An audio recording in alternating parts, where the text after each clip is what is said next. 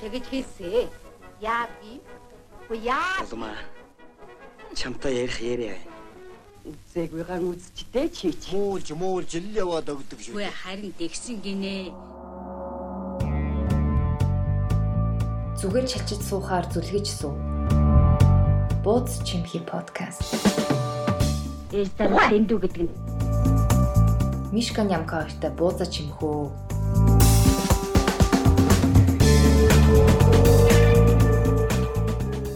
Хей хей за манай бууз чимхи подкастны шин дугаар тавтай марил бууз гурваа чимхийг битгой бэлэн болоод сууж байна. За Мишка сайн уу?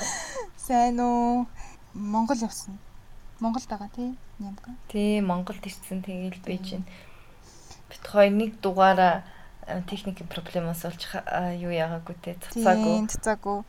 Тэгээд хоёул яриаггүй хэр удчихоо? Тэрнээс хойш 2 2 7 онс нуу. Тий, 2 7 онс. Тэр болтол чиний сэтгэл санаа ямар байв та? Дэжвээггүй гэхдээ дэжвээггүй яах вэ? Тэгээд явж ил байна. Явж л байна. Явж л байна. Тийм. Гэтэ тэгээд ажил ихтэй. Тийм тэгээ ажилласаа болоод жоохон стресстэй. Яна. Харин тийм ээ. Чиний аялал ямар байна? Аялал сайхан байна уу? Би сая хөдөө 10 хонцод ирсэн тэгээд интернетгүй жинхэнэ digital detox хийчихэд ирлээ. Өстой гоё юм шнэ. Тэгээ хөдөө гоё байгальд аршаа идэр уусан шиг явж явж байгаа л ирлээ. Одоо чи хитэ буцах үлээ? 7 оноор буцсан. Чи тэгээ Монгол яг ингэ тэгдэж шүү дээ. Монгол нэг буцчаад биш Монгол харьчаад тэгээд буцахаар гэр мэрээ жоохон санаад байдаг шүү дээ. Чи чигдэг үү? Тийм тэгдэж ш тэгээ би бүр яг ингэ төлөвлөсөн байдیں۔ Юу илээ буцахаараа бахан програмууд зохиоцсон тэр тэр найзтайгаа уулзсан мулсан гэдэг өөрийгөө завгүй байлгахгүй бол буцаад санаал тэгэлж яхан гутраал тэгдэж штэ. Тийм тийм. Гутрна гэснээс бит хоёрын өнөөдрийн сэдв бас сэтгэл гутралын тухай тий. Аа. Тэгээд ягаад энэ сэдвийг авсан бэ гэхээр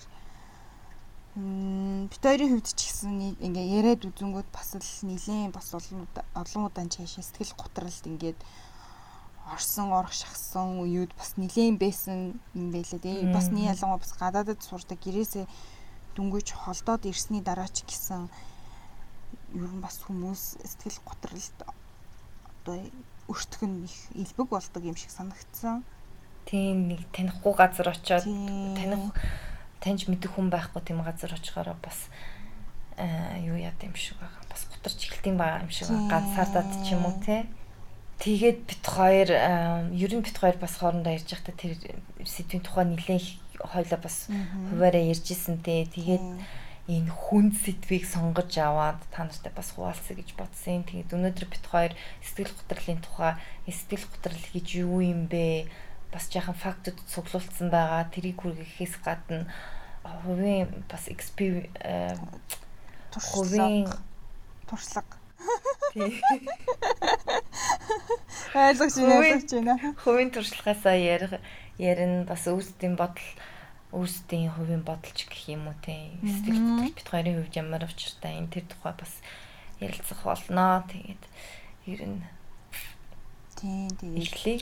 Аа Тэгээд за тэгээд бит хоёр болохоор хамгийн эхлээд ярилцъя гэсэн зүйл энэ удаад болохоор яг нэг 5 5 зүйлд хувааж өмнөшөө 5 5 зүйлд хувааж авч үзье гэсэн боловчиг нөгөө сэтгэл готрол гэдэг маань өөрөө хязгааргүй бүртэй их өргөн хүрээний сэдв бас маш их хүнд сэдв болохоор 5 5-аар ингээд хөнгөн хөнгөн явхад хэцүү санагдаад. Тэгээ энэ удаа ерөнхийдөө оршил өрнөл төгсгөл гэсэн маягаар нэг ингэсгээд явъя гэсэн тийм санаатай байгаа. Аа. Зохион бичлэг шиг. Та нар тэгээд нөгөө дунд сургуульд байхад багш нар аа оршил хэсэг ч юм уу энэ гэдэг шиг тэгээд яг хуу төгсгөлгүй байх гэж амар тэмдэглэлээрээ. Харин тийм. За. За тэгээд эхлэлтэй бол depression гэж бол бит хоёр сэтгэл готрол гэж орчуулад байгаа зүг үү? Тийм ерөнхийдөө гэсэн ер нь бол сэтгэл готрал гэж явдаг юм байлээ. Ер нь тэгээд яг угаасаа ингээд сэтгэл гутрал гэдгийг чинь өөрөө яг ингээд агуулга ч юм уу те тэр явж байгаа процессуудыг үзээд хараад үзэнгүүт л бас сэтгэл гутралын тийм юу гэдэг вэ? Сэтгэл гутралал гэдгийг илэр амигүй илэрхийлээд байгаа юм байлээ. Тэгээд бас нөгөө депресс гэдгийг бас нөгөө орсоор бас депресс гэдэг шүү дээ. Тэгээд тэрний бас нэг үнзэн үгийг аваад үзэх юм бол сэтгэл гутрал гэсэн үг агуулга угаасаа багтж байгаа. Тийм. Тэгээ Монголд болохоор хамгийн дөхөм орчуулагдаад байгаа сэтгэл гутрал гэдэг. Аа. Тэгээ ер нь бол бас ингээд уншиж байхад бол сэтгэл готрол бол олныг хамарсан. Одоо 21-р зууны нийтийн бол өвчлөл болоод байгаа юм билээ. Тэгээд харахад бол дэлхийд дэлхийд бол нийтдээ 350 сая гаруй хүмүүс өвчлсөн байдаг. А тэдгээрийн бол их хвчлэн их хвчлэн хөгшчүүл болоод эмгтээчүүд өвчлсөн байд юм билээ. Тэгээд а өвчлсөн гэж хэлж болох уу? хамрагдсан гэвэл дээр юм хамрагдсан өртсөн гэдэг ч юм. Сэтгэл готролд өртсөн гэвэл өвчлсөн гэвэл бас хүмүүст их эмзэг тусах. сэтгэл готролд өртөгсөд орж байгаа. Сэтгэл готролд бол өртөж байгаа хүмүүсийн хөвчлөл нь бол хөгшчүүл. Бас эмгтээчүүд байд юм бэлээ. Тэгээд хөгшчүүл яагаад их хамрагдж байна гэхээр ихэнхдээ ганцаардсан тийм шалтгаанаас бол хүрсэн байт юм байлээ. Тэгээд би бас харсан чи анх хизэнээс энэ depression гэсэн хухтгүй энэ юг гаргаад ирвэ гэсэн чинь бол яг түүхээ ингээд ухаад үзэх юм бол хэцүү юм байлээ. Тий хэдэн оны тэднээс гэсэн тийм юм бол байхгүй. А ер нь бол нэлийн их газар авсан үе нь болохоор нөгөө индустриализмын үе яг нөгөө үйлдвэр хүний нөөц хөгжиж ирсэн яг хүний хүний хөдөлмөр мүлжих ч юм уу тийм үеэс эхлээд бол сэтгэл готрол бол нэлийн газар авч эхэлсэн юм бэлээ. Харин тэгээ би бас нөө яг энтэй холбогдуулаад э, судалж үзсэн байхгүй нөө Японы тухай. Тэгээд Японч нь ерөнхийдөө нөгөө депресс гэдэг ч юм уу сэтгэл готрол гэдэг зүйлээрээ айгүйх ер нь дэлхийд э, нэлийн алдартай штэ. Тийм тэгээд яг Японд хизээний сэтгэл гутрал гээд ороод ирсэн юм би гээд би яг хайсан чи яг бас ороод ирсэн гэвэл бас өрөөсгөл болчихлох л да. Тэгээд яг хайгаад үтсэн чинь ерөнхийдөө бол Японы иргэдэд 1990 оноос ерөнхийдөө сэтгэл депресс гэдэг үг одоо ингэж жоох одоо юу гэдэг яг нөө мэрэгжлийн хиллгээс гадуур одоо энгийн ард иргэдийн хүрээнд ингэж яригдчих хэлсэн байгаа байхгүй юу? Тийм тэгээд ерөнхийдөө депресс гэдгийг одоо мэдээлэл хомос аа тэг өрөөсгөл ойлголт дос болоод ерөөсөө тэр нэг газар аваагүй. Тэгээд 2000 2 дугаар зууны их гихсэн байсан. Тэгээ 2006 оны хавцаа аа нөгөө им үйлдвэрлэдэг газар одоо сэтгцийн им үйлдвэрлэдэг газар ингэсэн байгаа байхгүй юу нөгөө аа илээ нөгөө сэтгэлийн одоо юу монголоор монголоор хэлэх юм бол нөгөө тийм сэтгэлийн чихүүдс гэж нэрлсэн байгаа байхгүй юу? Тэгээд аа тэрийг нөгөө Kokorono Kaze гэд нэрлэлсэн. Тийм тийм үгээр депресс гэдэг үг 2006 оноос хойш японочууд дунд хэрэглэгдэж эхэлсэн байгаа байхгүй юу. Тэгэхээр нэг гэсэндээ олны танил олны танил гэх юм. Одоо хүнд хүрч эхэлсэн нь бол 2006 оноос хойш Японд хүрч эхэлсэн юм байлээ депресс гэдэг үг. Тэгээд тэрнээс хойш хүмүүс ер нь бас депресс гэдгийг баг зэрэг ойлгох хугтгуунтай болж эхэлсэн. Тийм, тий айгуу бас нэлээд хожуу юм байна да гэж бас бодож ирсэн 2006 оноос Тийм. Ер нь тэгээд угаасаа Германд ч гэсэн би яг оныг нь бол мэдгүй байна. Хиндээ бол бас depression гэл нэг тэгэнгүүт нэг хүлээн авч үзэхгүй. Яг хүчин гэдгээр нь хүлээж авч үзэхгүй. Тэгэл за энэ сэтгэл готроо юм сүртэй юм ч гэдэг юм уу яг тэгээд нэг тийгэж хайхрамжтайгаар авч үзэхгүй байсан юм билээ. Тэгээд сүүлдээ яг нөгөө судалгаа эдэр ихсэд ихлэнгүүт хүмүүс ч гэсэн өвчлөд ихлэнгүүт тэрийг бол нийт даяараа хүлийн зөвшөөрөөд хүчин гэдгээр нь тэгээд тэр хүлийн зөвшөөрсний дараагаар бол depression тухай нээлттэй ярилцаж хүмүүс ч гэсэн тэр өвчнөр өвчлсөн хүмүүс ч гэсэн ичихгүй энэ одоо би ийм мангар ийм би юу н өөрөө имзэг болохоор ингээд ин гэсэн тийм утгаараа бол биш. А би юу ийм юмд хамрагдчихад байгаа юм байна. Энэ бол миний проблем юм байна. Тэгээ хүмүүс ч гэсэн ойлголт нь илүү хүмүүс ойлгоод ирэхээр олон нийт хүртэл тэр нээлттэй болоод ярилцахад хүртэл амар болсон энэ сэдвийн талаар.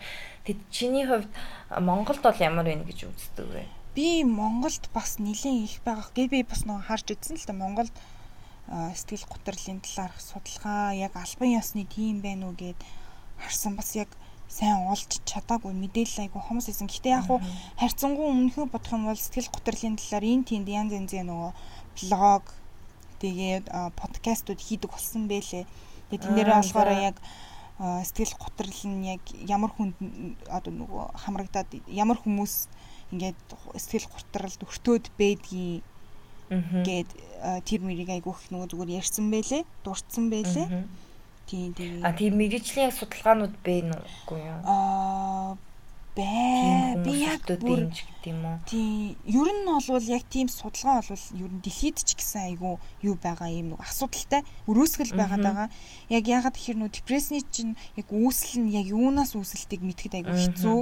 Тэ хүн болгон өөр өөрийн учир шалтгаантай хүн болгон нэг одоо нөгөө тарих бие физиолог өөр учраас альва нөгөө ямар нэгэн асуудлыг хүлээж авах нь өөр байгаа учраас тодорхойлох боломжгүй байгаа болохоор яг бас тэрийг бариад авах тийм бас юу байхгүй л байгаа юм шиг үлээ нөгөө яг судалгааны тэр судлах туунууд ч юм уу тий тийм би бас яг тэгэж бодсон Ааха. тийм Тэгээд а, сэтгэл гутралын яг ямар шинж тэмдэг илэрдэг гэж чи боддог вэ? Яг яавал за би яг сэтгэл гутралаар өвдсөн бэ гэж бодох вэ?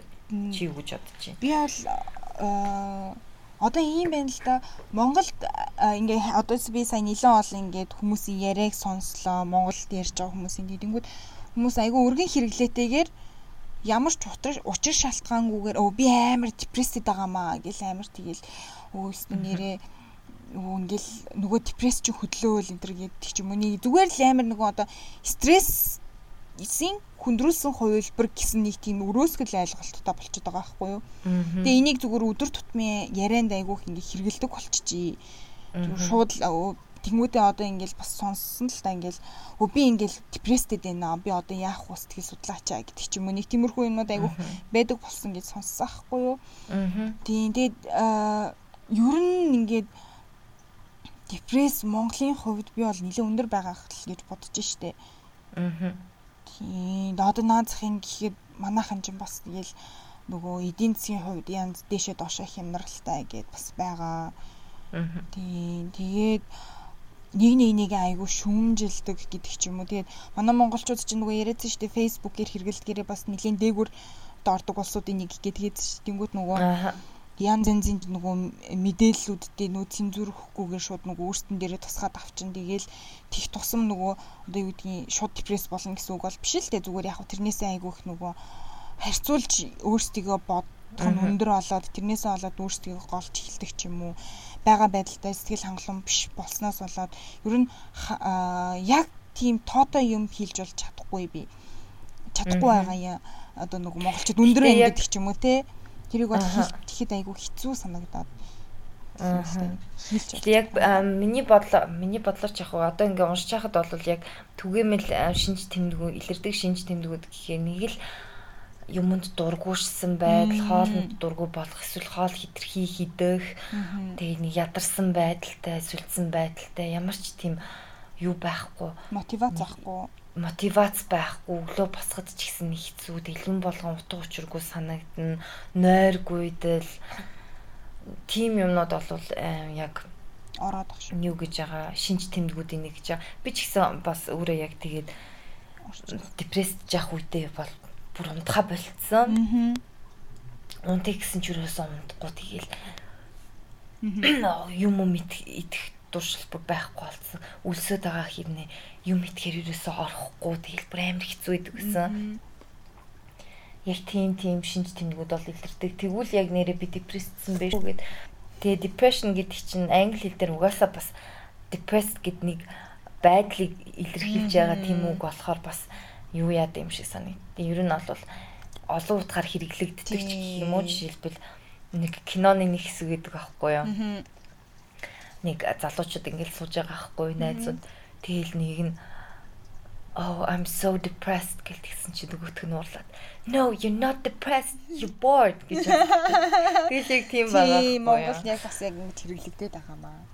Тэгээд Германд бас нэг юу болж исэн юм аа.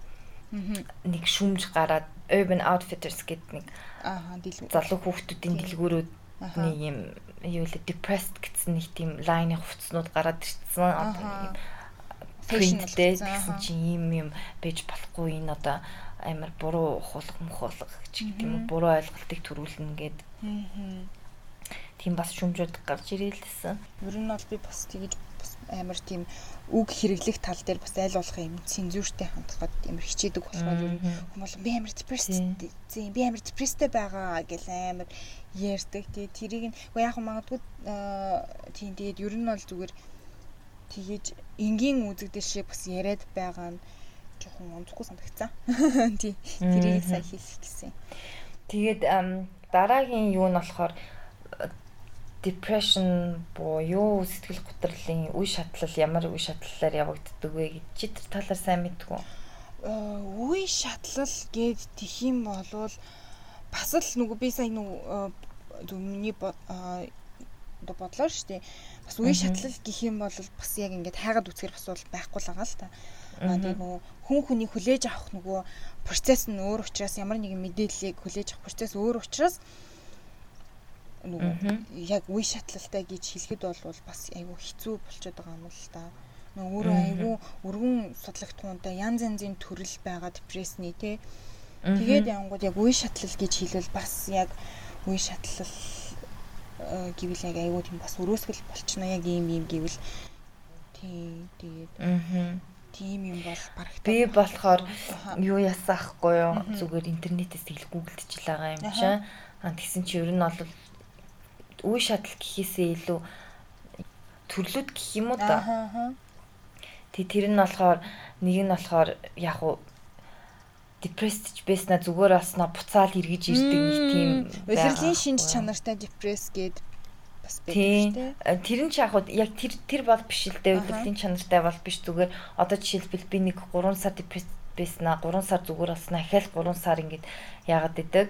Тэр нь болохоор unipolar depression гэдэг. Аа Тэгээ дараагийнх нь болохоор bipolar depression гэдэг нь болохоор depressed гэсэн бүр сүүл рүүгээ бүр амар болоод бүр нөхрөө одоо хар нөх байла гэж бодъё л та. Тэгэл. Яг хар нөх рүү унжсна бүр гүнзгий унах тэрийг бол хэлдэм бэлээ. Тэгээд дараа нь болохоор би яг нэг англиар юу гэдгийг мэдэхгүй байна.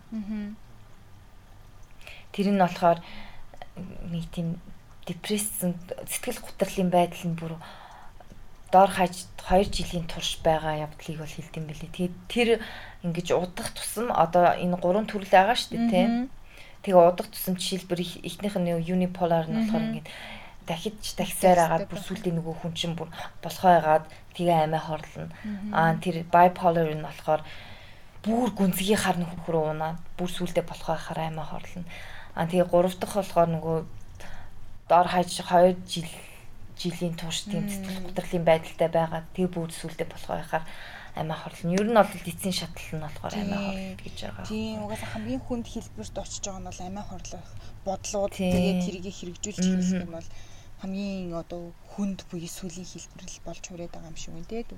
Тийм тэгээд манай нэг найзын за бүр тийм сайн найз биш л дээ.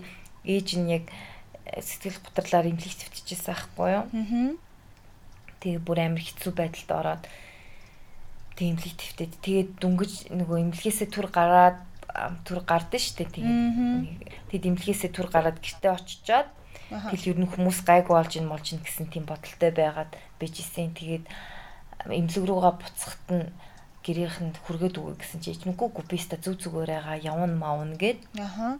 Ганцаараа имлэг рүүгээ буцаа явчихна гэд. Тэгээд имлэг рүүгээ буцаад явсан чинь бүр орой хитэн цагийн дараа эмнэлгээс нь залгасан танаа ичж ирсэнгүүгээд тэгэл шууд бүү юм болж байгаа юм чи юу болч уу гэдгсэн чинь яг богооны богоон руу үсрээд амиа хорлцсан айгүй амар. Тэр Монголд болсон юм болов уу? Үгүй, Германд болсон юм баг тий. Тий. Тэгээд гэтээ юу Монголд би бас яг нөгөө яг яаж имжлээд ямар байдлаар байдгийг сайн мэдгүй. Гэтээ нөгөө сэтгцийн үндэсний Э, сэтгцэн эрүүл мэндийн үндэсний төв гэж байдаг. Штэ тэнд болохоор өөрөөсөө хандах хэрэгтэй юм байлээ. Аа үгүй хэрвээ болохгүй болох юм бол нөгөө одоо Монголд харьцангуй сэтгэл судлаач гэдэг зүйл айгүй олон болцсон штэ. Аа. Тийм тийм хүмүүстэй ярилцах эсвэл бүр ингэж хэцүү байх юм бол бүр ядчил найзтайгаа ярилцах хин нэгэнтэй холбоотой байх гэрийнхэнтэй ядах нь хилдэг ч юм уу. Тийм зүйл айгүй чухал юм байлээ. Тэгээд мо тийм сэтгцэн эрүүл мэндийн үндэсний төвд болвол яг нөгөө сэтгц судлаач сэтгцийн эмчнэр гэж яг тусдаа байгаа. Нөгөө сэтгэл зүйч гэдгээс шал өөр л байгаа юм л да. Тэг яг нөгөө сэтгэл зүйч гэдэг нь болохоор аа нөгөө депресс одоо өртөх тэр нөгөө юуг нь багасгаж өгдөг.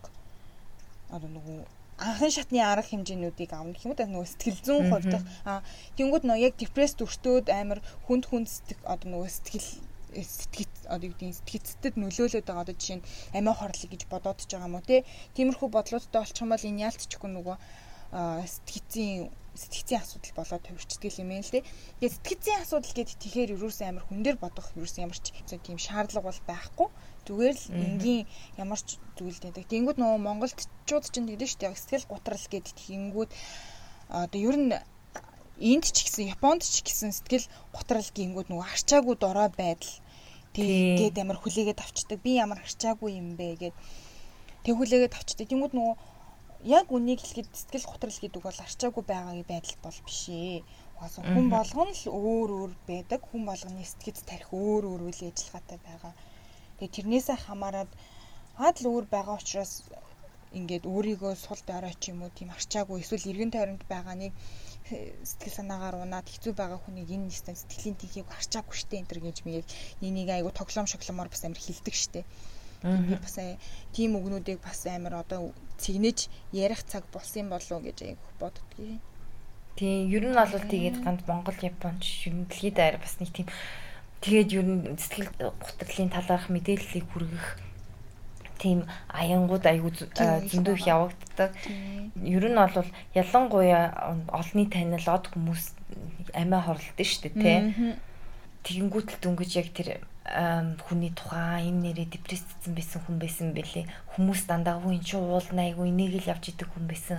Сэтгэл готролд автцсан байсныг бол би мдээгүй үздээгүй гэд. Бүр сүлд нь ингээ мэддэг. Тийм болохоор тэгээ яг тийм олонний тань ялангуяа олонний танил хүмүүс тэгж амь насаа эвгүйт гэхээр яг олонд хүрээд тэгээд тэр тухай ярих нь илүү өндөр болоод яг нөгөө яг тэр үед л нэг депресс гэдэг асуудал айгу хөндөгдөж эхэлдэг тий. За энэ ч гэсэн ийм биш дээ гэл.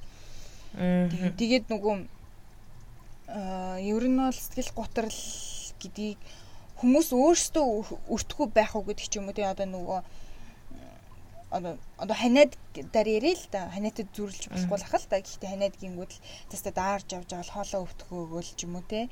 Тэгээ ингээ ханиад хүрдэг бол депресс гэдэг бол шал өөр зүйл. Өөр бид нар өөрсдөө тусъя ч юм уу өртөе гэд өртөж чадахгүй ч гэсэн депрессээс арга депресс авах арга хэмжээгээ бид нар өөрсдөө сонгох боломжтой харин. Сэтгэл судлаач дээр ханддаг ч юм уу хин нэг найзтайгаа ярьдаг ч юм уу. Эсвэл айгүй олон нэг арга депрессцэн үед ч юм уу эсвэл сэтгэл гутралтай байгаа үедээ авах арга хэмжээнүүд харьцангуй айгүйх олон шүү дээ. Одоо нөгөө хөдөлгөөн хийх ч юм уу те спортоор хичээллэх өөрний ямар нэгэн өөрийгөө хүчлэх жижигхэн зорилт тавих гэдэг ч юм уу те тиймэрхүү зүйлүүд айгүй олон байгаад байгаа харин.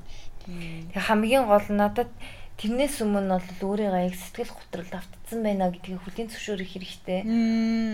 Тэрийг бол муу зүйл биш ээ. Тим юм болоод над миний дотор тим юм болоод байна. Энэ бол ийм depression гэдэг нэртэй юм шүү. Сэтгэл готрол гэдэг бас нэг төрлийн өвчин юм шүү. Тийм болохоор тэрийг хүлийн зөвшөөрсний дараа л авах арга хэмжээ бол нээлттэй болж эхэлнэ. Тэгээд би нөгөө кино үзчихсэн байхгүй юу? Тэгээд тэр кинон дэр яг ингэж гардаг байхгүй нэг залуу аа золгүй золгүй тийшдээ ингэж явж агаад юу ятсан нөгөө ингэ хөлөө машинд дарилчдаг байхгүй юу? Тийм тэгээд нөгөө төрөний имлэг дээр аваачаал ингээд түргэн дээр аваачаад ингээд ингээд ясан чи хөлн гимтцэн ингээд тэгсэн чи нөгөө чи ажилдаа явна маавна гэдэг айгу тэгээд байдаг байхгүй юу? Тэгээд тэгсэн чинь эмчнэр нөгөө хөлнийхэн зураг мургийг аваад ингээд нөгөө жолоочтой ч юм уу тий ингээ ярилцаад ингээд үтсэн чинь тэр залуу болохоор өөрөө зүгээр явж исэн машин урдаар яваад орцсон байгаа байхгүй юу? Тий. Тэгэхээр тэр залуу болохоор үгүй ингээд би амар яарч авч шал өөр юмд ажиллаа бодож авч аваад ингээд би ингэсэн. Би бол амар ад жаргалтай их нэртэй манай их нэр намайг одоо ингээд гэртээ гоё хоол хий хүлээж байгаа. Би аим мундаг хуйлч гэл өөрийгөө яриад байдаг. Тэгээд тэгсэн чинь яг одоо нөгөө тэр төргөний төргөн тусламжийн яах тэр нөгөө хэсгийн тасгийн нөгөө сэтгэл зүйч очиод уулздаг байхгүй юу? Очиод уулзсан чинь өөрийгөө ерөөсө депресс сэтгэл готролтын хэмжээнд очсон байгаа гэдгийг ерөөсөө хүлээн зөвшөөрөхгүй. Үгүй надад бүх зүйл байгаа. Би айгүй мундаг карьертэй явж байгаа. Манай гэр бүл айгүй одоо би ингээ хүүхэдтэй болох гэж байгаа. Надад ямар ч одоо ийм асуудал байхгүй та нар юу яриад байгаа намайг зүгээр явуул би ингээд одоо бүр хуулийн байгууллагад нь хандиш мандаш үг гэл айгу тэгээд байдаг байхгүй. Тэгээд явж явж хагаад нөгөөх чинь нөгөө бүр нилээн олон бүр тэр хүний чинь ингээд нөгөө өөрөө өөртөө нөгөө хүлээн зөвшөөрүүлэхийн тулд нилээн ол ингээд алхам явж байгаа байхгүй тэр нүн. Тэнгүүд нь хамгийн сүүлд нөгөө эмч чинь тэгдэг тэгдэг байхгүй юу. Үгүй чи үнэхээр ингээд юу байгаа чи их нэртэйгээ уцаар яар? Ингээд чи ингэхгүй бол чиний амьдрал чинь ингээд сүрнээ чи ингээд хүн ингээд инээдрэгээд тэгээд тэр хүнийг амар брейк даун хийдэг байхгүй юу? Тэгсэн чинь тэр хүн байхгүй надад зовох гуниглах ирэх байхгүй гэж хэлдэг байхгүй юу? Сүлд нь. Тийм тэгээд ингэнгүүт яг хүмүүс амар ойлгож эхлэх байх өөрсдөө хитрхи хүчлэх хэрэггүй ямар ч хүн зовдог гуниглах үе байдаг. Аа тийм өөрөө өөрсөндөө тийм хүнд одоо ачаа сэтгэлийн дарамт өгөх ямар ч хэрэг байхгүй. Нэг ялангуяа монголчууд хүнд муугаа үзүүлэхгүй ээ гэл айгу тэгж явдаг штэ. Тэгэл зарим тохиолдолд хүнд битгий муугаа үзүүлээ дээ гэл тэгдэг. Би олвол харин ч би одоо сул талтай давуу талтай хүн гэдгийг ойлгох хүмүүст харуулад явсан. Миний хувьд өөрт мань одоо нөгөө сэтгэл зүйн хувьд ч гэсэн эрүүл байх юм болов гэж бодод шүү дээ. Тий, яг үнэ. Би ч бас санал нэг байна. Харин тийм дээ. Тэгээд аюу өнөө бол тэгээд бас нөгөө амиа хорлолт гээд байгаа шүү дээ. Аа. Тэгээ яг би бас нэг судалгаа үзсэн байхгүй юу? Аа. Тэгээд амиа хорлолт гэдэг болохоор бас айгүй өөр депресстэй сэтгэл готролтой холбогддог ч гэсэн амиа хорлолт гэдэг нь бол бас тусдаа өөр айгүй өргөн хүрээний сэдв юм байлээ. Аа. Тийм тэгээд яагаад ингэж ингэсэн бэ гэхээр ингэж юм л да. Аа За яг нөгөө сэтгэл готрлын хамгийн хүнд үе нь амиа хорлох талаар боддог. Өөрөө өөрийгөө нөгөө хэрэггүй гэж бодох ч юм уу те. Тэгдэг аа. Гэтэл би саяхан нэг судалгаа үзсэн. Тэр нь болохоор 2018 онд хийгдсэн Монголд хийгдсэн судалгаа. А тэр нь тэгээд нөгөө гадаад хүмүүс хийсэн судалгаа байхгүй юу? Аа. Тэгээд жилд 3000 гаруй хүмүүс 18-аас 40 насны хүмүүс амиа хорлож байгаа гэдэгт хийж байгаа юм. Тэгээд тэрний үндсэн шалтгааныг нь болохоор анх судалгаа ихтэй нөө Монголын эдийн засаг тогтворгүй байгаа, гэр оронгүй аав ээж нь арх уудаг, зоддог, хэрүүлтэй гэр бүлтэй те өдрийн идэх юм байхгүй байгаа, орон гэргүй байгаа гэдэг шалтгааныг авч үзсэн байгаа байхгүй юу? Тэр судалгаан дээр. Гэтэл тийм шалтгаанаар тэр одоо судалгааг хийж эхэлсэн боловч тийм одоо үр дүнний шал эсрэгээрээ байсан. А Монгол одоо энэ амиа хорлож байгаа залуу эдэр насныхан байгаа шүү дээ 10 эдээс 30-аад насны энэ хүмүүсийн амиа хорлох дийлэнх шалтгаан нь мансууруулах байцсан. Мм. Аа би яг над асуулт чинь бас тавь гэж бодож исэн. Яагаад ер нь бол архитектур Монголд амирх газар авсан байдаг шүү дээ тий тэрийг болвол чи бас depressionтэй холбож үзэх үү гэж чамаас асуух гээд чи юу гэж бодож байна? Тэг чин зүгээр бэж байгаа л тэгээд өөрийгөө хорлол ингэж байна гэж байхгүй зү. Цаана бас нэг шалтгаан байгаа бол амиа амиа хорлон гинэ. Тий, архитект үсэд байгаа. Тийм байж болох юм тий. Би яг энэ хоёрыг бас холбоотой л байх холбоотой л доо. Бас яг холбоотой хэсэгтэй холбоотой байх л та тий. Гэхдээ ер нь тэр талаас нь бас харж үзвэл тий. Тий, харж үзвэл бол тэгээд нөгөө өөрийгөө хит нөгөө доогуур үнэлээд ч юм тэрнээсээ болоод уурлаа тэнгууд айр хуумар санагддаг тий. Тэгээд байгаа байгаа. Depression гэдэг чи тий бас яг өөрийгөө доогуур үнэлэхтэй биш. Зүгээр ер нь ямар ч учир шалтгаангүйгээр сэтгэл нь гутраал тэгээ тэрийга дарахын тулд арх уугаал. Тэгээ нөгөө унтаж чадахгүй байвал унтах гэж арх уугаад ч юм уу те тийм тийм байх те яг тийм тэгээд ер нь бол аа за тэр ч яг одоо бүр гүнзгий сэтгэл сэтгэл зүйн руу орох гэж байна би сая амралтын дахта юм уншсан хгүй тэгээ ер нь миний энэ бол зүгээр миний бодолтой. Гэхдээ ер нь бол бас судалгаанууд байдаг юм бэлээ л дээ. Тэднийг одоо их нэглээ тоочод яах вэ? Ер нь их айгүй өндөр хөгжилтэй орнуудад depression бол явагддаг. Илүү өргөн өргөн хамрагт хамрагдсан биш өргөн газ- газар авсан нь бол өргөн байдаг.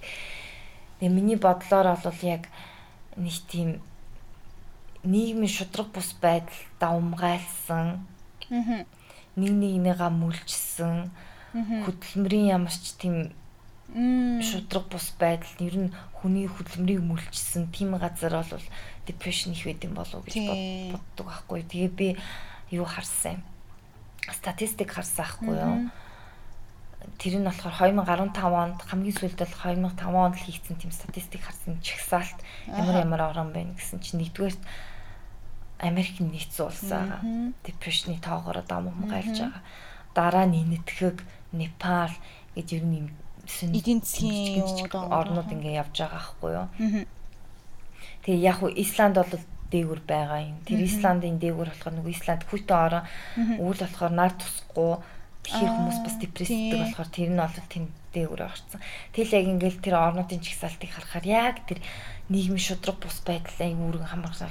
Тэгэхээр Америк нэгдсэн улс нэгт явж ийн гэдэг нь надад яг сонирхолтой санагдаж байгаа. Тэгэхээр Америк нэгдсэн улс дээд зэргийн юу штэ ямар ч тийм юу гэдэг лээ социал маягийн нэг тийм тусламж бол олгосон газар биш кап- капиталист. Чи ажил хийж чадчихлээвэл амьдрах чадна чадахгүй бол чи тэгэл хохирогч. Ямар ч тийм чи өв- өвчин тусаад хөвтжээвэл чи тэгэл хогчно угаасаа л чи өвчин ямар ч тийм тусламж тийм юм байхгүй. Угаасаа тэр капиталист нийгмийн тийм бодлого чинь тийм болохоор тэгээд хүмүүс тийм э, готролд ордын болов гэж бодсон. Ааха. За одоо бит хоёр сэтгэл готрол депрешны тухай нэлээд их фактууд өглөө. Тэгээд бит хоёр сая эхлэхдээ бол хэлсэн бит хоёроос өөрсдөө тийм depression депрессжсэн туршлагатай хүмүүс байна. Тэгээд тэр тухайгаа жаахан ярьд юм уу гэж бодоод. Тэгээд би болохоор яг ер нь яагаад депресссэн бэ гэхээр яг нэг юу вэ? Нин төрөнд өөрийгөө хүмүүстэй жишиж эхэлсэн. Яг нэг оо танихгүй оронд очиод тэгээд мэдээж хүмүүс нь боловсролын систем нь ондоо, хилэн ондоо тэгээд жах өөрийгөө голж эхэлсэн гэхүүтэй. Тэгээд ер нь бол бас хоёрдугаарт нэг өөртөө таалагдахгүй зүйлийг хийгээд исэн юм шиг тэгээд яг өөрийн биш хүрээллийн хүмүүс дунд байсан. Нэг шинэ орчинд ороод яг хүрээнийхээ хүмүүсийг олж чадахгүй тэгээд нэг худлаа тийм өөрийн биш хүрээллийн хүмүүс дүү- дүр хэсгээд байгаад яг өөрийнхөө байж чадахгүй. Тийм тэгээд тэр хүрээллийн хүмүүс дотор болохоор нэг тийм ерөөсөө тэр хүрээллийн хүмүүс нь намайг нэг үнэлж үздэггүй ч юм уу намайг магтдаггүй тийм хүрээллийн хүмүүс байсан болохоор улам тэгээд депресс юм шиг санагд. Тэгээд ер нь бас бас гол шалтгаан ганцаардсан. Тэд тийм нэг өөрөө нээлттэй ярилцаж чадахгүй ингээл нэг гоё одоо сайн найзуудтайгаа гоё юм ярьдэн штэ нээлттэй сэтгэлээсээ тийм тийм хүрээлт байж чадаагүй болохоор бүр тэгээд э, автсан болов уу гэж боддоо штэ. Ааха. Тэгээд ер нь өөртөө бас үнэнч биш. Ааха. А энэ ер нь надад тохирсон хүрээлт биш вэ гэд үнэнчээр хэлэхгүй тэгээл худлаа тэгээд яваад исэн. Тийм тийм бас шалтгаануудаас болж сэтгэл готролд орсон болов уу гэж боддیں۔ Гэхдээ ер нь бол бас зарим хүмүүст бол бүр багасаа бас сэтгэл зүйд нэг юм нөлөөлсөн юм бас байдаг л ахал та. Миний хувьд бол нэг тийм юм Тийм тэгээд- үнэн юм бол байгаагүй гэж боддоо шүү дээ. Тэгээд яг чамд ямархуу бодлогод төрдөг байсан бэ? Ер нь их өөрийгөө ер нь бүх юм нэг утга учиргүй юм шиг санагддаг тийм бодлууд төрсөн шүү. Төрдөг байсан шүү. Нэг ер нь амьдралын утга учир юу юм? Яах гэж чи ингэж байгаа? Юуны төлөө чи ингэж байгаа юм? Ингээд тэд- тэр үед бол яг гэр бүлийнхнээ бодохоор айгу гоё яг гоё болдог гэсэн яг юм болох утга учиргүй санагдал эхлэнгүүт яг гэр бүлийнхнээ бодон гутных гоё буцаал нэг гээлэг болол эхэлдэг ч юм уу тийм байдаг гэсэн штэ. Чиний хувьд Ааха. Би болохоор аа, яг бас яг адилхан. Би бас өөрөө яг яг ямар шалтгаантай гэдгээ болохоро яг чам чиний сая хэлснээр өөрийгөө амар бусадтай харьцуулж эхэлсэн гэдэг. Би нөө өмнөх дугаар дээр хэлжсэн шүү дээ. Аа сошиал медиагаар янз янзын хүмүүс ингээд дагаад тэрнээсээ болоод тэд нартэй өөрийгөө жишээд тэгээ өөрийгөө голж хэлсэн гээд. Аа. Тий. Яг хүмүүс сонсоод өө чаваас ийм юу юу гэл айгу тгийж хэлж магадгүй л дээ. Гэтэ миний хувьд айгу би болохоор тийм нөгөө айлуулах ийм итгэвтэй амьдрахыг айгу хэрмэлцдэг.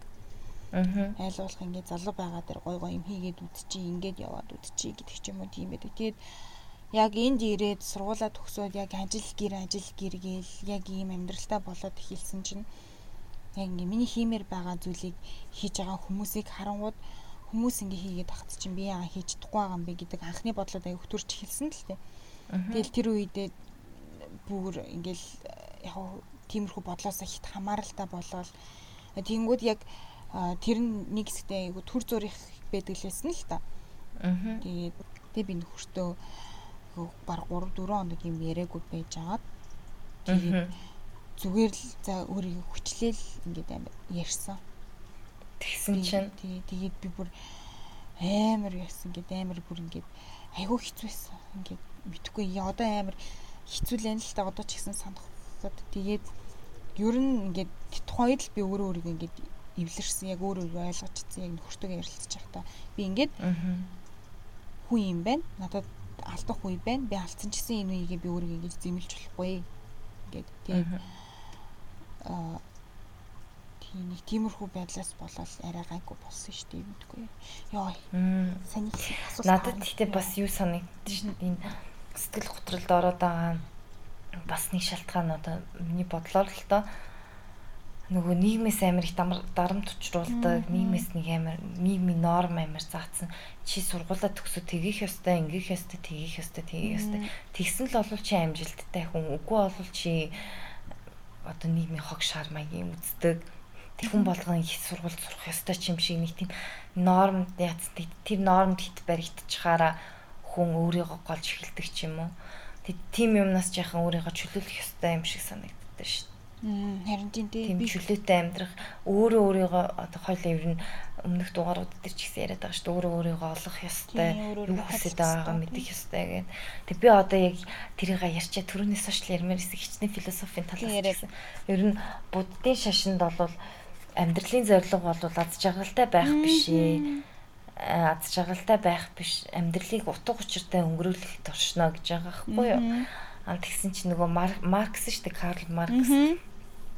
Тэрээ болохоор амьдралаа утга учиртай яаж өнгөрүүлэх вэ гэдэг нь бол ажилчдын зовлон багасгахаа ажилчд гэхээр одоо хүн гэж аахгүй тэр үед Маркс болохоор ажилчид тэд тэрийг яаж багасгах вэ гэхээр нэг нэгэндээ тусал тусалдсан байдлаар бол тэгж багасгах юм а тэр бол амьдралын зорил амьдралын утга учиртай болгож байгаа юм.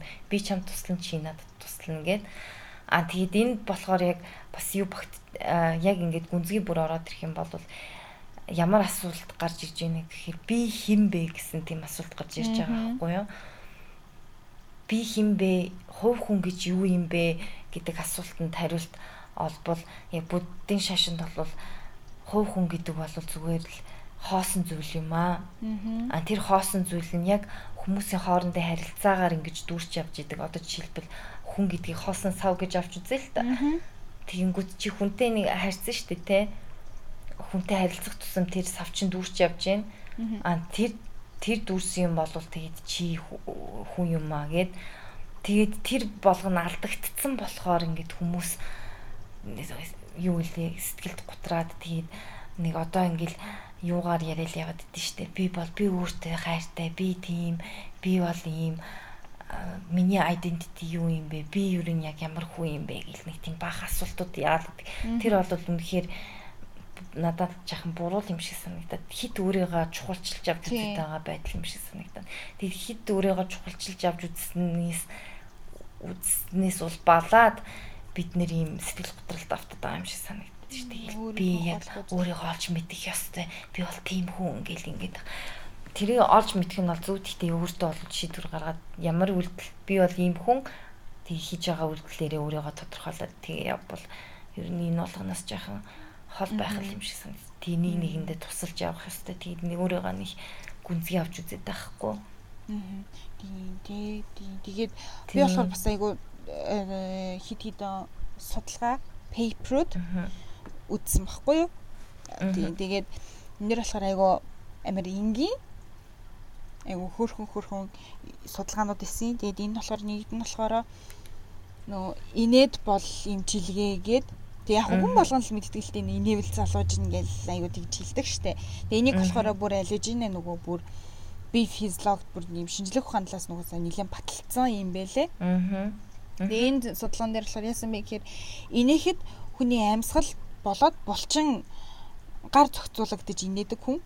Нөгөө амьсгал булчин. Тэнгууд нөгөө хүний нөгөө тусандах нөгөө цусны даралтанд нөлөө үзүүлж эхэлдэг. Ингэснээрээ одоо нөгөө чихрийн шижин, үе мөчний өвчин, стресс, сэтгцийн одоо тэр нөгөө докторгүй байдал гихцэлд айгүй хурдан нөлөөлж эхэлдэг юм байна л та. Тэгээд нөгөө яг энэ үед болохоор нөгөө яг хүн стресстэй ч юм уу юм депресстэй байгаа үед болохоор хүний цус нөгөө юм кортизон гэд кортизол гэд нөгөө юу ялгарч идэг. Тэгээд яг инээд болохоор энийг нөгөө миний ялгарлтыг айгүй багасгах идэг гэд Тэгээ яг энийг болохоор ингээд судлаагаад судлаагаар ингээд айгу нотолцсон байсан. Тэгээд яг айл болох миний тэгээ яг миний бодлоор болохоор энэ инээд гэдэг чинь одоо нэг төлөвлөлийн медитейшн юм байна гэж айгу ботсон.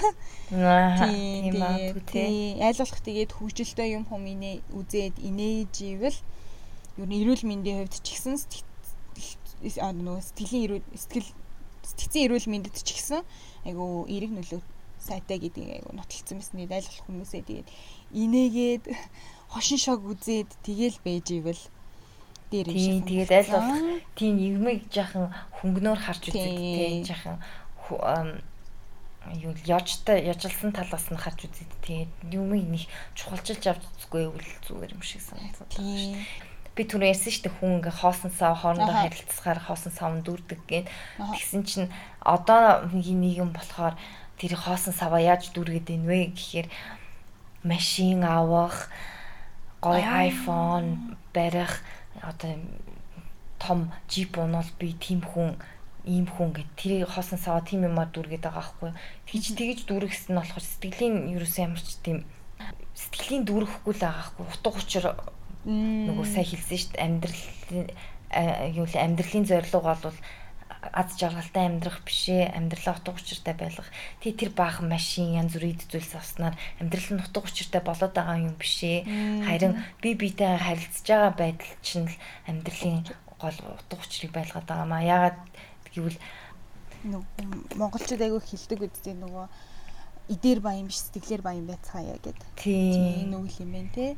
Тэгээд ер нь надаа яг хит ид хогшлыг шүтэж ингэж яагаад байгаа нь бас нэг бодлын юу үсгээд байгаа юм шиг санагдаад байна. Тийм сэтгэл зүйн ямар нэг асуудал байдаг тий. Тийм тэгээд бас нэрээ ингэсэн байсан би бас нөгөө бас нэг факт олдсон чинь нөгөө сэтгэл готролд автах бас нэг дөрвөн шалтгаан гэдэг хэлсэн шүү дээ. Шалтгаан дээр болохоор яг нөгөө тодорхой шалтгаанууд бол яг тодорхойгүй байгаа одоо хүртэл судлагдж байгаа гэдэг хэлсэн боловч за 2017 оны нэг хийгдсэн судалгаан дээрээс 30%-ийн генетикийн нөлөө байж болтошгүй гэж бас хэлсэн байна. Наад чинь би бас харсан. Тийм. Тэгээ тэр бас айгуу сонирхолтой санагдсан. Тэгээ яг бас ангаа ухааганаар нөгөө хүн чинь аз жаргалын гормон серотонин ялгуулж идэв шүү дээ тархинаас. Тэр нь төлөхөөсөө бага үйлдэл яхаа аргагүй. Депресс нь тэрийн тэр серотониных нь ялгарч байгаа хэмжээг нь докторжуулах тийм юм юм уух хэвээр тэгэл нөгөө антидепрессив айдер чинь тэгэл яг нөгөө ад жаргалын гормоныг тэнцвэржүүлэх тийм юмнууд байдаг шин. Тийм. Тэгээд би бас нөгөө ахиад саяны инээдтэй төстөө бас нэг юу олжсэн сэтгцэн эрүүл мэндийн тухай ингэсэн байна л та. Америкт хийгдсэн 2010 бас 10 би дандаа 17 оны судалгаа харсан юм байна. 17 онд хийгдсэн тэр судалгаан дээр болохоор Америкийн 10 18 нас ер нь за нэг 18-аас 25 нас гэсэн баха. Тэрийг мартчихэж. Яг энэ насны хүүхдүүдэд явуулсан судалгаа болохоор а жимс ногоо хүний сэтгцэн эрүүл мэндэд сайнаар нөлөөлдөг. Стрессийг багасгадаг гэж үзсэн байгаа байхгүй юу? Энэ судалгаан дээр. Аа тэгээд энэ судалгааг яаж явуулсан бэ гэдэг нь аягүй сонирхолтой. Энэ болохоор гурван төрлийн юу хийсэн байгаа юм. Аа одоо хамрагдсан энд хүмүүсийгээ 2-7 хоногийн турш хянасан. А ингэхдээ энэ оролцогчдоо 3 ангилсан. А эхнийх нь болохоор зөвхөн мессежээр өдөрт 2 удаа ногоо идэрэ, жимс идэрэ гэж хэлсэн байгаа юм. Аа хоёр дахь нь болохоор өдрийн тэдэн доллар өгөөд энэндээ харуулад хүнс ногоо ав. гэд. Аа тэгээ гурав дахь бүлэг нь болохоор тэр чигтээ 2 7 хоногийнх нь одоо нөгөө хүнс ногоо жимсүүдийг бүгднийг ингээд өгцөн та нарын нэг хэрэгэлгээд. Тэгээд энэ гурыг хамгийн сүүлд аа, шалгаад үзсэн чинь доторх энийг болохоор бүр яасан гэхээр бүр цусандах тэр нөгөө цус одоо хүний биеийн цусны тархлаа те тусандаага минералууд те энэ болгоныг бүр ингэж шинжиж авч үзсэн баахгүй юу? Тэгээд тэгсэн чинь 3 3 дахь бүлэг буюу нөгөө хүнсийг нь 2 7 хоногор нь олгоцсон тэр бүлэг болохоор айгүй өндөр гарсан. Нөгөө стрессгүй айгүй илүү нөгөө happy energy мэдрэх юм өндөр гарч ирсэн. Яасан бэ гэсэн чинь хүнс ногоонд агуулгадж байгаа минерал, витамин С гихт одоо нөгөө хүндний биед хэрэгтэй. Энэ витаминууд нь а биед ороод тэр хүний нөгөө сэтгцэд их эргээр нөлөөлдөг гэдгийг ингээд нотолцсон байсан. Тэгээ хүнс ногоо хийдэг юм бол эрүүл сэтгцийн хувьд эрүүл байх магадлал нэлээд өндөр болж хэлдэг гэдэг. Нэг одоо энэ бас айгүй сонирхолтой санагдсан. Яа тэгэхээр иймэрхүү судалгаанууд айгүй ховор идэг. Харин тийм хамгийн сонирхолтой нь 3 дугаар бүлгийн хүмүүс яг юмыг бэлэн хүчж байгаа Тийм. тэгэхээр бид нар бас тэрийг заавж авч идэх тийм стресс байхгүй. Нэгдүгээр бүлгийн хүмүүс болохоор зүгээр тийм заавар өгсөн аваарай гингүүд тэд нар бас стресстэй ч юм одоо бие угаараа авах юм ч юм уу тий. Аа хоёрдугаар бүлгийн хүмүүст нь мөнгө өгөөд ногоо аваарай гэсэн чинь нөгөө мөнгөнд хүрэхгүй ч юм уу тийм стресс. Тэр бас сонирхолтой тийм тий. тэгээд яг а, өрөөсгөлч гэсэн бас ингэж тэр судлаач нь өөрөө бас тэгсэн л байсан л та. Чиний саний хэлсэн юу энэ нөлөөлсөн байж болзошгүйгээд. Харин тийм тэнгүүтээ юу ясанс нөгөө 2-7 хоногор ногоог нь өгчхөөр нөгөөдөл чинь нөгөө ногоог муутахаас өмнө идэхгүй бол болохгүй гэдэг ч юм уу. Тэгээд нөгөө бүгднийг яг тааруулж хэмжээндээ эзэн илүү хийдэж чадсан. Аа тэгээд хоёр дахь бүлгийн буюу нөгөө 10 ил 10 доллар өгөөд ногоогоо ав гэж байгаа хүмүүс нь болохоор яг өөрийн биед хэрэгтэй нөгөө тэр хүнс тижил авч чадсан уу үгүй юу гэдэг нь бас амар өрөөсгөл болоо авчиж байгаа гэд. Тийм байх тийм яг уу нөлөөсөн тэр нөгөө нөгөө юунууд одоо нөгөө шууд бус факторууд их л байгаа хэл та. Гэтэ яг уу яг 17 онд хийгдсэн нөгөө ийм цөөхөн судалгаануудын нэг нь байсан. Тэгээ бас айгу гойсон байсан. Аа. Тэгээ монголчууд Сонирхолтой. монголчууд чинь тэгээд айгүй их мах иддэг штеп. Тэгээ жоохон ч гэсэн ногоо идэрээ. Аа. Тийм тэгэж бас хэлмээр санагдаад. Ногоо сүү идэгээ сайн идээрээ бас. Тийм. Ер нь тийм цусндах минерал тийм амин дэмүүдийг сайн өгч чадах юм бол бас стресснээс баг зэрэгч гэсэн хөнгөлөх боломжтой гэдгүүдээ. Тийм нөгөө нар сая чи нөгөө ярьсан шүү дээ. Айсланд нөгөө харангуй болдог учраас нөгөө аюу депрессийн их өндөр байдаг гэдэг нөгөө нугасаа нарны гэрэл Д витамин байдаг. Тэгээ Д витамин чинь өөрөө нөгөө стрессийг нөгөө жоохон баг зэрэг нөгөө стрессийг нөгөө релив хийх маягийн тийм витамин юм элэ шүү дээ. Тэгээд а эрт харанхуй болдог газрууд угаасаа нөгөө тийм витамин айгу баг авдаг учраас бас стресстэх магадлал өндөр байдаг гэт тийчээс. Тий. Тэгээ имерхүү айгу сонирхолтой сонирхолтой юмнууд айгу байдаг юм билээ харж үзвэл тойлож нилээ ярьлаа тийм ээ. халууцаад халууцаад живтлэг нэ. Бууз маань юу лээ бууцны мах нь итчлээ юу. Тий. Тийм үү. Урнаасаа халиа явчлаа шүү. Нөгөө залхуу бууз шиг юм болоо залхуу буузыг нэг Тийм, амар тийм, томоор тийм. нь баах юм залхууралж Баах юм Тий, тэгээ оргацсан. тий. Тийм л боллоо. Өнөөдрийн Тийм, залхуу бууз өнөөдрийн дугаар минь залхуу бууз болж өндөр. Тийм. Тэгээ ам, хамгийн сүүлд Мишка гоё юу харсан гэсэн Монголд сэтгэл готрлын тусалцаа үзүүлэх ч юм уу зөвлөгөө авах тийм утасны дугаарууд байгаа гэсэн те тэрийгэ хүргэж Тийм. тэгээд хойлоо өндөрлөө. За тэгээд яг манай Монголын хуулинд болохоор одоо ийм нөгөө Японд байдаг шиг лайф лайфлайн гэдэг ч юм уу яг ингээд амиа хорлох гэж байгаа тийм хүмүүсийг болиулдаг тийм одоо утасны шугам гэж бол байдаггүй юм байлээ. А тэгээд би болохоор хид хідэн хүмүүс сэтгэл судлаач тий таньдаг хүмүүсүүдээс асууж сургалсны эцэст нэг хоёр утасны дугаар олсон. За энэ нь болохоор яг хуулийн хэмжээнд ч юм уу яг тэр шугам яг тэр шугам нь болохоор зориулт нь бол яг амиа хорлох гэж байгаа тэр юу болиулах гэсэн яг бол юу биш. а яг юу журманд зүгээр журманд заасан. Энэ журам нь болохоор амиа хорлох, ордлого хийх гэж буй хүнд туслан зарилгыг нь өөрчилнө гэсэн тийм дүрм заасан байгаа учраас гэхдээ энэ бол яг ямар ч хүн амиа хорлыг гээд та хэрвээ бодоод бас хэцүү хин нэгэнтэй ярилцъя гэж бодож байгаа бол би сэтгцийн эрүүл мэндийн үндэсний төвийн 24 цагийн нээлттэй шугам буюу 18.0 18 тэг тэг 20 тэг тэг гэсэн дугаар руу залгаарай. Аа за тэгээд хүүхдийн хувьд гэх юм бол хүүхдэд зориулсан 108 гэсэн утасны дугаар байгаа. Тэгээд энэ болгон руу та аль нь руу ч гэсэн хамаагүй хин юм амиа хорлыг гэсэн бодолтой тийм сэтэл төрж байгаа тохиолдолд та заавал энэ утас руу залгаад нэг ярилцаад үзээрэй гэж хэлэх гэсэн. Ань зөвхөн амиа хорлох тийм л үед юм уу? Өвөө бас хэд гутарсан юм? Хэд гутарсан үед бас тийм тусалцаа авах үед ярьж болно. Тийм бас тэгээд яагаад сая амиа хорлолт гэж ярьсан бэ гэхээр нөгөө Монголд яг бас нөгөө амиа хорлолтыг төдийлэн сайнаар авч үздэггүй. Тэгээ яг ингээд заасан юм байдаггүй болохоор тэг хүмүүс хитэн өрөөсгөл ойлголтоор за энэ би хамрагдахгүй юм байна угаасаа би ингээд дуусч байгаа юм гэдэг ч юм уу. Тиймэрхүү бодлоор дуусчих үү дээ гэсэн утгаар би энэ утсууд руу хэрвээ та үнэхээр тийм бодолтой байгаа бол энэ утсруудаа холбогдоорой гэж хэлэх гэсэн. Тэгээд заавал амиа хорлолт биш сэтгцийн ямар нэгэн асуудал үүсэж байгаа бол та иши залаарай ингэж баярлаа Мишка би бас бичээд авлаа дугаар гэж. Монголд байх 7 хоногийн хугацаанд ярээрээ ямка. Тийм юм гарч ирвэл ярина юу. Ярээрээ. За тэгээд өнөөдрийн дугаар маань нэлийн хүн сэдвтэй болж өнгөрлөө. Тэгээд ер нь бол угаасаа бит хоёр бас айгүй сериусны ярьлаа шүү дээ.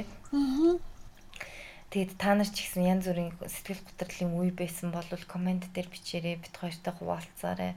Бас бусд хүмүүстэй хуваалцаарай. Тэгээд өөр бас янз бүрийн мэдих тийм Facebook групп ч юм уу те хоорондоо туршлагаа солилцох тийм юмыг мэддэг бол комент дээр бичиж бас бусадтай хуваалцаарай.